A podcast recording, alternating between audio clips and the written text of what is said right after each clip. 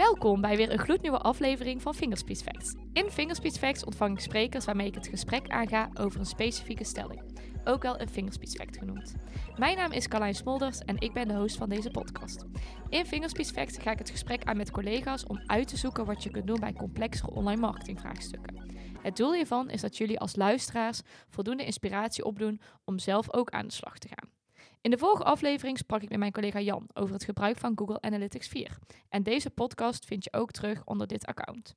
En vandaag ben ik in de studio met Simone van den Nieuwenhuizen, Digital Growth Marketing Consultant bij Fingerspeed. En we gaan het hebben met elkaar over B2B marketing. B2B marketing wordt dan ook vaak gezien als een complex lang traject waar flinke investeringen bij komen kijken. En vanuit haar rol is Simone veel bezig met B2B marketing. En is zij van mening dat je ook met quick wins al hele mooie resultaten kan behalen. Welkom Simone, fijn dat je er bent. Kun je jezelf even kort voorstellen? Ja, natuurlijk. Mijn naam is dus Simone van den Nieuwenhuizen en ik werk nu ruim vijf jaar als online marketeer. Ik ben ooit gestart bij een bedrijf dat gepersonaliseerde kinderboeken maakte. Dat deed ik vooral de social media en dat vond ik super leuk. Dus daar heb ik me de twee jaar daarna ook uh, op gefocust. Zowel aan klantzijde als bureauzijde. Daarna heb ik mezelf vooral ontwikkeld tot all marketeer. En de afgelopen twee jaar heb ik mij vooral gefocust op Google Ads. Nou, tijdens mijn carrière heb ik uh, veel verschillende klanten gehad. Van bedrijven die opgezette dieren verkochten tot farmaceutische producten of hotels. En dat is ook hetgeen wat ik juist wel heel erg leuk vind. Want nou ja, het houdt je gewoon heel erg scherp. En je leert, ja, je leert vaak hele onverwachte dingen over producten of diensten. Daar zijn ook hele goede quizmasters. En B2B was altijd al iets waarvan ik zei van, nou ja, hè, doe maar niet. Google Ads ook, hou maar lekker ver weg van mij. Uiteindelijk is het wel zo gelopen dat het hetgeen is wat ik nu het meeste doe. En uh, waar ik ook wel heel veel uitdaging uit haal. En dat vind ik wel heel erg leuk. Het zal jullie ook niet verrassen dat mijn klantportfolio dan vooruit B2B marketing bestaat. En daarbij loop ik altijd wel tegen problemen aan dat het inderdaad lange, project, uh, ja, lange trajecten zijn. Vaak is er weinig data en er zijn heel weinig tips te vinden. Dus ik vind het wel leuk dat we het daarover gaan hebben, dat ik ook die tips kan delen met anderen. Nou, superleuk. We moeten het nog eens een keer gaan hebben over die opgezette dieren, want daar uh, ben ik wel erg benieuwd naar. Maar laten we eerst vooral in de B2B-marketing duiken. Uh, we hadden het net al even kort over, hè. B2B-marketing wordt vaak als een complex traject gezien. Um, dus waar begin je dan met zo'n traject? Ja, dat is altijd wel, uh, dat blijft altijd lastig. Heel veel bedrijven die willen namelijk echt direct aan de campagnes gaan bouwen. Die gaan al beginnen met video's schieten. Maar het is heel erg belangrijk, natuurlijk ook bij B2C, om gewoon bij de basis te beginnen. En dat is, wie is jouw doelgroep? Wat zijn jouw doelen? En wat onderscheidt jou van de concurrent? En pas als je die dingen helder hebt, dan, uh, dan pas kun je eigenlijk verder. Nou, en nu denk je misschien van, oh, dat zul je toch wel weten als bedrijf zijnde. Ik heb nog regelmatig gesprekken dat ik vraag aan klanten van, uh, hè, wat kenmerkt jullie, uh, wat kenmerkt jullie doelgroep? Of wat maakt jullie nou zo sterk? En dat ze dan eigenlijk het antwoord nog niet helemaal helder hebben. En dat is doodzonde natuurlijk. En zo'n doelgroep, um, dat is natuurlijk ook wel lastig bij B2B, want je hebt mensen van verschillende senioriteit, verschillende afdelingen, bij verschillende branches. Maar ik denk het heel goed om ook te onthouden dat uh, B2B nog steeds marketing gericht is op het overtuigen van mensen. Mensen die dan inderdaad bij de bedrijven werken die je als klant wil. En dat wordt nog wel eens vergeten. Um, dus ja, begin altijd gewoon weer bij de basis, jouw doelgroep, doelen en waardepropositie. Ja, ik vind het ook heel mooi dat je dat zegt, hè, want het zijn nog steeds mensen. Dat vaak denk je van, oh, ik praat tegen bedrijven, maar ja, wie werken bij die bedrijven? Ja, de mensen zelf. Dus die moet je natuurlijk zien te bereiken. Ja, tof. Hey, en als je dat dan allemaal helder hebt, hè, dus je hebt die doelgroep inzichtelijk, de doelen die je wilt bereiken, um, wat doe je dan vervolgens met die informatie? Hoe ga je dan verder? Nou, vaak is er al heel weinig informatie beschikbaar bij B2B. Um, ehm, de volumes zijn vaak gewoon kleiner. Je ziet bijvoorbeeld als jij bepaalde zoekwoorden hebt, dat uh, bij B2C zijn die volumes veel groter. Kun je veel meer verkeer pakken, veel meer conversies. En is het ook makkelijker om daar dus mee te experimenteren, te leren en te optimaliseren.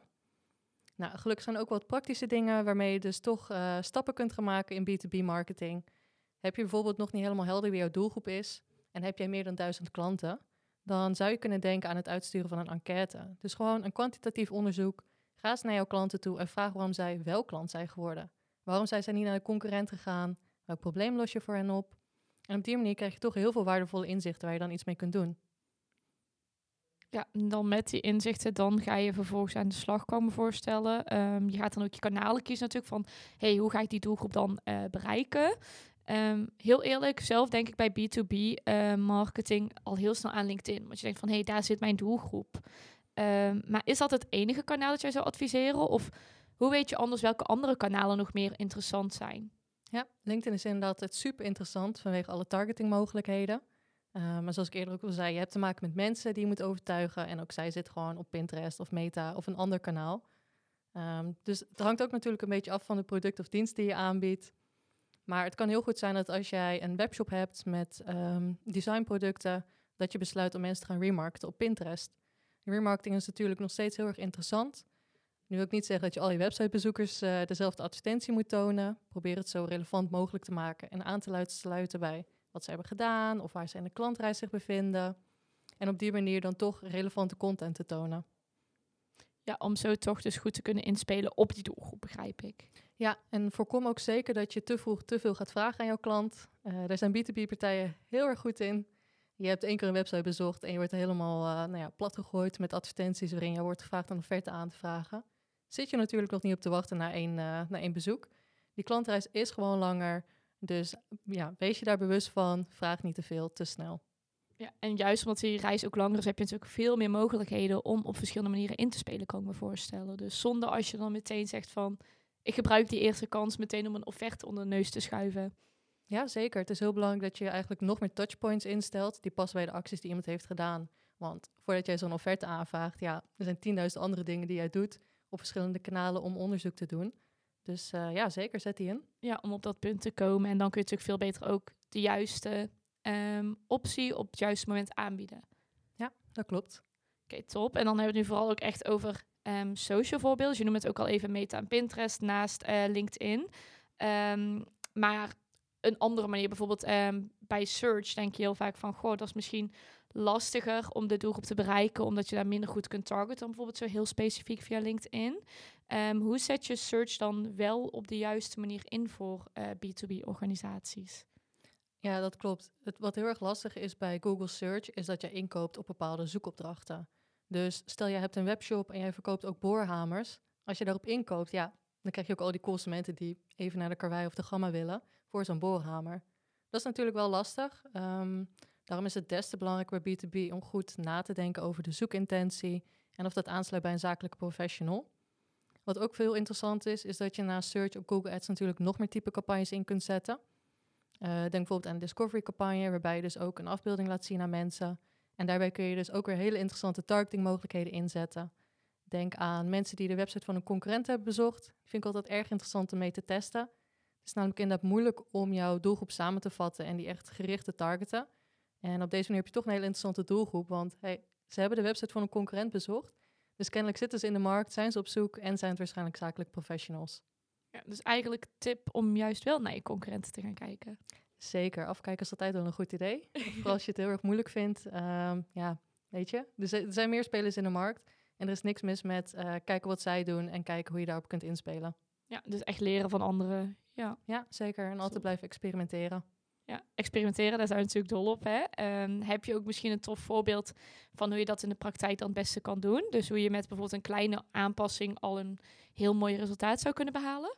Jazeker. Um, ik heb bijvoorbeeld een, uh, een klant gehad die hele grote industriële machines verkoopt. En als zij een aanvraag kregen, dan gingen zij ook echt met die grote machines heel het land door naar zo'n klant toe voor een demo.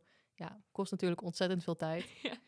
Nou, gelukkig zijn we tijdens corona allemaal heel erg gewend geraakt aan het digitale wereldje. Um, dus wat we toen hebben gedaan is eigenlijk de call to action op een website aangepast.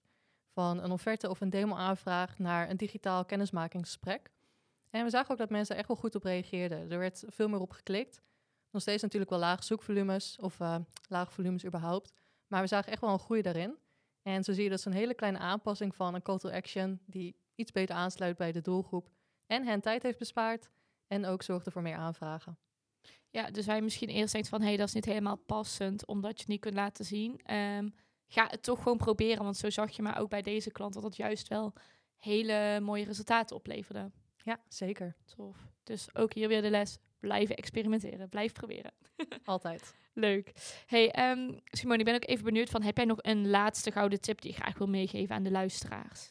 Ja, ik noemde hem net al even snel. Uh, en dat is dat je hele interessante aangepaste doelgroepen kunt maken binnen Google Ads. Uh, je mist natuurlijk de targetingmogelijkheden van LinkedIn. Dus je kunt niet iemand gaan targeten op een functietitel bijvoorbeeld.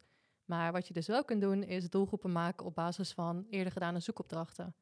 Dus kijk in jouw account welke zoekopdrachten converteren goed. Maak een doelgroep daarop aan en ga die mensen weer retargeten met een discovery campagne. Zo heb je mensen die wel dus naar hele interessante termen hebben gezocht, misschien niet jouw website hebben bezocht, en dan kun je toch weer iets laten zien. Namelijk, uh, een discovery campagne is altijd visueel.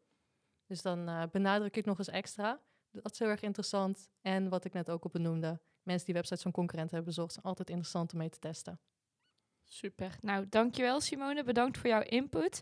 Um, ik wil jullie allemaal bedanken voor het luisteren naar deze podcast. Wil je nou nog meer van dit soort content lezen, zien en horen? Meld je dan ook vooral aan voor onze Growth Lab.